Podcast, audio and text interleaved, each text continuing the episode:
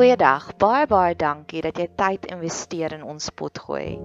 Ek hoop werklik waar jou blydskapsvlakke verhoog terwyl jy hierna luister. Ek bid vir jou dat jy 'n straaltjie van hoop kan kry en ek bid dat dit 'n veilige hawe sal wees.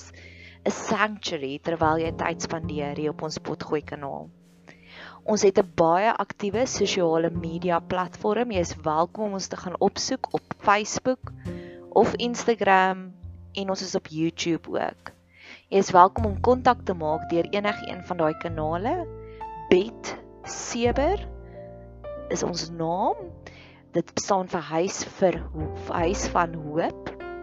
En ons geniet dit wanneer mense deel raak van ons gemeenskap. So indien jy enig op enige manier wil deel raak van ons gemeenskap, stuur asseblief vir ons 'n boodskap hê. Ons kom Vrydagoggende bymekaar en dan gee ons bietjie vir mekaar liefde, sissie liefde. Jy is welkom om deel te raak van ons gemeenskap deur om hierdie potgoeie te deel met jou vriende en familie of jy kan lekker kreatief raak om deel te raak van ons laat daai kreatiewe juices bietjie vloei. Ek het op nou onlangs gehoor van 'n ander potgooi kanaal wat vertel het die persoon het vir haar koek gebak om hulle verjaarsdag te vier. So laat jou kreatiewe juices vloei. Ek hoop jy geniet hierdie kuiertjie op ons potgooi kanaal.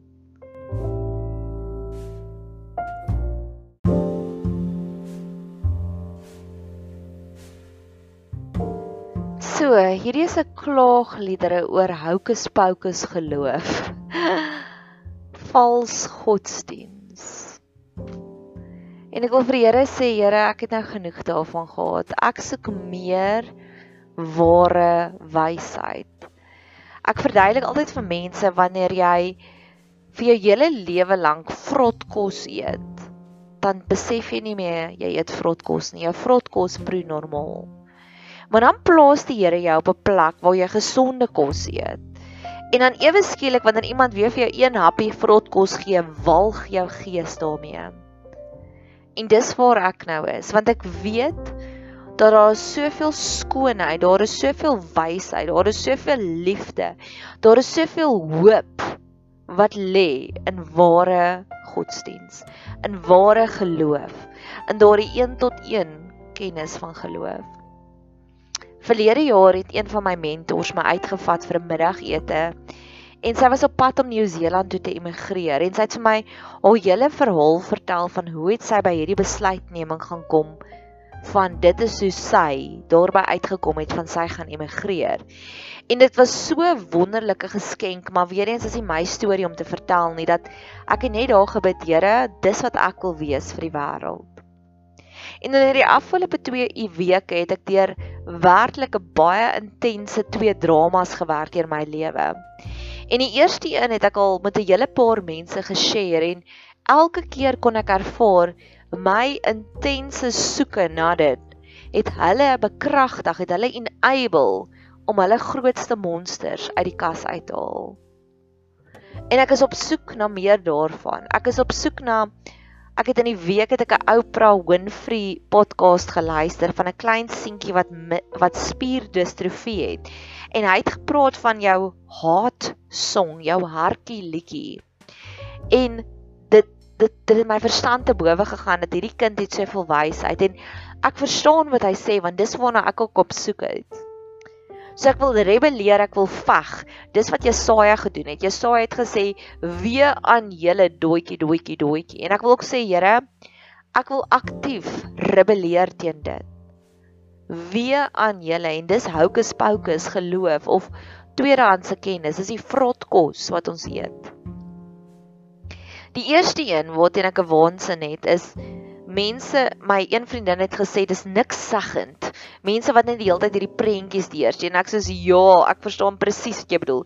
Jy weet daai mooi prentjies met die mooi woordjies van 'n beertjie wat hartjies vashou en dan sê hy vir jou goeiemôre, ek dink aan jou geseënde dag.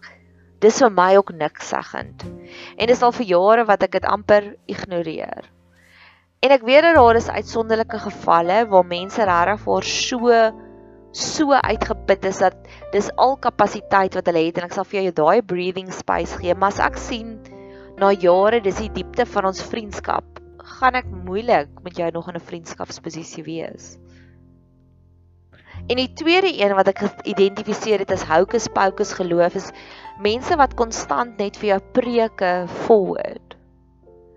Preke wat hulle hartsnare aangeraak het, maar hulle raak nooit dieper om te sê, "O, maar dit is hoe ek ek het hierdie preek geluister, hy het so my lewe aangeraak, dis hoe my lewe verander het en dis die vrugte wat ek gekry het." Ek is meer op soek na daardie as van net stuur vir my 'n preek aan. Stuur vir my 'n preek aan. En baie keer luister ek na die preke, maar 99% van die tyd wanneer ek na preke luister of potgoeie luister, is dit omdat my hartjie hinker daarna. Of wanneer ek vir iemand sê ek sukkel om my woorde te artikuleer, maar hierdie persoon artikuleer dit beter. So daar is plekke en tye van gevorderde preke, maar as jy vir 2 weke lank nie met my praat nie, En dan stuur ek vir jou 'n incheck boodskap en jy stuur vir my preek deur en twee dae later stuur jy weer vir my preek deur. Ek gaan moeilike verhouding of 'n vriendskap met jou opbou as dit is hoe jy met my gesels. En dalk is dit 'n fout aan my kant en dis hoekom ek ek bring die leekryke voor God om te sê Here, hierdie is die dinge wat my regtig walg want hoe meer preke ons mekaar voorstuur, hoe minder leer ek jou hartjie ken en ek wil jou hartjie leer ken. Ek wil hoor hoe sien jy die lewe? My een vriendin het my eendag voor 'n glaskas met gevulde croissants laat staan. Sy sê my, "Ek is so lief vir jou. Ek stel so belang in wie jy is. Sê vir my uit al hierdie croissants uit, watter croissant gaan jy kies?" En dis daai oomblikke wat vir my kosbaar is. Dis daardie oomblikke van ek leer ken jy hou van chocolate mousse. Wat vir my wow is. Die volgende hocus pocus wat ek voel is en ek dink ook dis 'n coping meganisme want dinge is so onstabiel tans ons raak sommer kwaad oor sekondêre dinge. As jy kwaad raak oor die pro programme wat op die TV is, maar eintlik weet ek jou hartjie is so broos tans. Jy's eintlik so broos want daar's 'n boelie in jou lewe, maar in plaas daarvan om jou energie te invest om uit te klim uit hierdie boelie en hierdie toksiese omgewing, raak jy eerder ontsteld oor die programme wat op die TV is. Of ek het iemand ontmoet nou onlangs wat so ontsteld raak oor alles wat haar dogter doen, haar dogter wat byna 40 jaar oud is. En dan dink ek, "Sisakkie, gaan sit dit in jou eie menswese. Moenie vir my vertel die 5.5 miljoen goed wat jou dogter doen nie, want ek kan nie jou dogter help nie. Ek kan daar wees vir jou, ek kan 'n vriendin wees vir jou. Maar jou dogter moet haar eie paadjie uitkap." En ek glo alles dis ongesonde coping mechanisms want ons raak so ontstel met wat ander mense doen. En aan die een kant voel ek so 'n bietjie soos 'n hypocrite want dis nou wat ek nou hier doen. Maar my coping mechanism is ek het nou net oor 'n halfuur se boodskappe gestuur van dis hoe dit regtig gaan met Nadia. In die laaste hocus pocus godsdiens wat ek ervaar is mense wat so bitter is oor ander mense se optredes. Ja, daar kom 'n stadium wat ons kwaad is.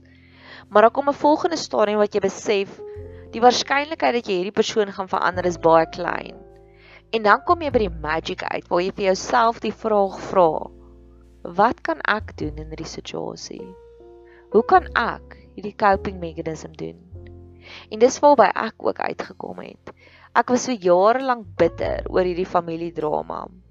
En vir die afgelope 2 weke, dit was seer, dit was sleg, dit was aaklag maar emosionele genesing werk soos Russian dolls wat jy een uitmekaar uithaal en dan nog een uitmekaar uithaal. In die afgelope 2 weke het ek eers van alles omtrent die hele dag in gebed spandeer en die Here het vir my soveel dinge gereveal. En ek het hierdie storie van wysheid gevat na ander mense toe en elkeen van hulle het vir my hulle stukkie gesê van wat hulle ook sien. En toe het ek by 'n plan van aksie uitgekom. En vandag voel ek bekragtig en vir die afgelope paar dae voel ek ek sien weer die magic in die situasie raak.